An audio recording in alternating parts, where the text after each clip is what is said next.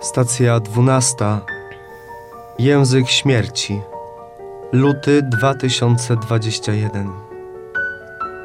Wulgarność w przestrzeni publicznej ma się dobrze. Osiem gwiazdek ciągle w użyciu.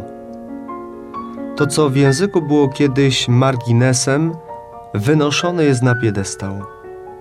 A co było symbolem prymitywności, staje się nagle na tak zwanym topie.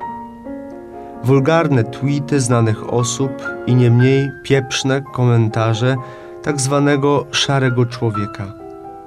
Język, który poniża, depcze, rani bardziej niż niejedna wystrzelona z pistoletu kula.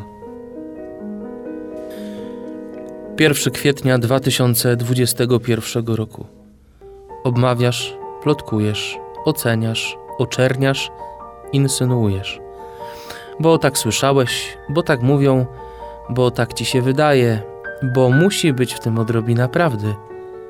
Takie powody są wystarczające. Może jednak nie to jest najgorsze. Czytamy w Biblii takie zdanie: Z obfitości serca mówią usta. Co masz w sercu, skoro takie rzeczy na języku? Jaka śmierć ogarnęła Twoje myśli, skoro Twoje słowa właśnie śmierć niosą?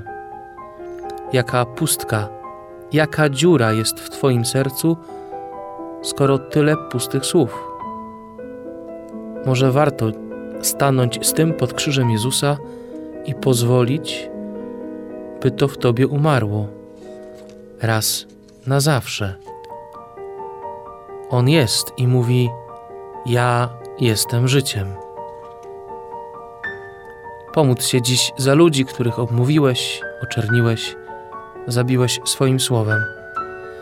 Modlitwę wybierz sam